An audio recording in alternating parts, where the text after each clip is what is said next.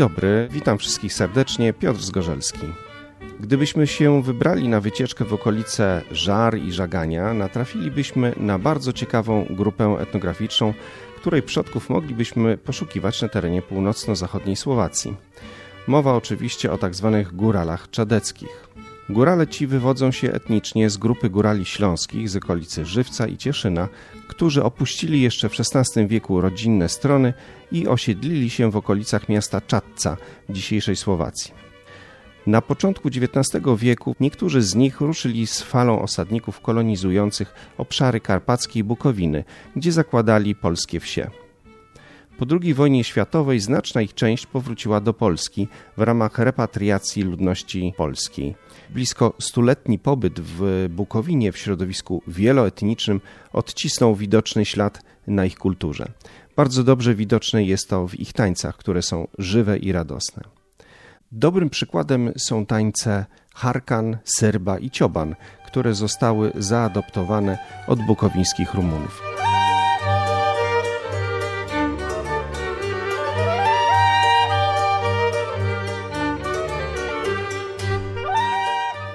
Przyjrzyjmy się zatem harkanowi.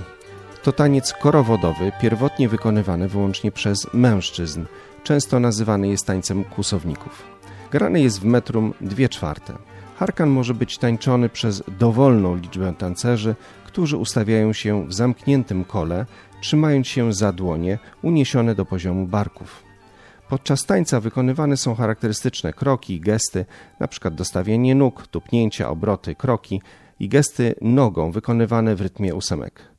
Bez tego szybkiego, żywiołowego tańca nie mogły obyć się żadne obrzędy i uroczystości weselne. Kolejnym tańcem jest syrba. Źródło słów nazwy tego tańca odnajdziemy w języku rumuńskim, co oznacza uroczystą ucztę. Podobnie jak harkan jest to taniec korowodowy w rytmie parzystym na dwie czwarte. Na przecie korowodu znajduje się tancerz, który prowadzi pozostałych tancerzy, którzy stoją naprzemiennie. Tancerz, tancerka, tancerz, tancerka. Tancerze wykonują sekwencję kroków mieczącą się w dwóch taktach, idąc w kierunku pod słońce.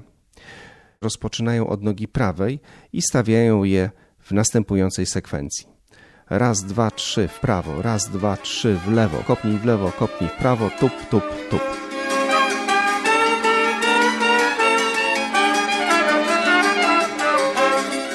Kolejnym z wymienionych tańców, które górale bukowińscy przejęli od Rumunów, jest cioban. Nazwa cioban wywodzi się z języka rumuńskiego i oznacza owczarza, pasterza.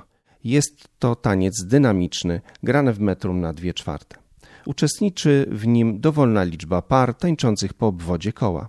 Poprzedzająca taniec przyśpiewka jest wprowadzeniem i swego rodzaju przewodnikiem dla tancerzy. Tekst pieśni, którą wtedy śpiewają, jest taki.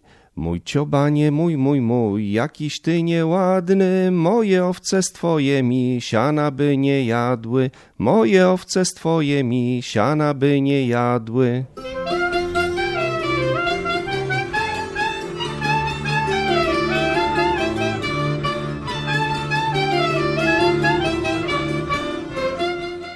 Najstarsi górale, którzy uczą tego tańca, tłumaczą, że tancerz jest jak pasterz, który zarzuca sobie na plecy owieczkę, stąd podczas obrotu charakterystyczny podskok tancerki.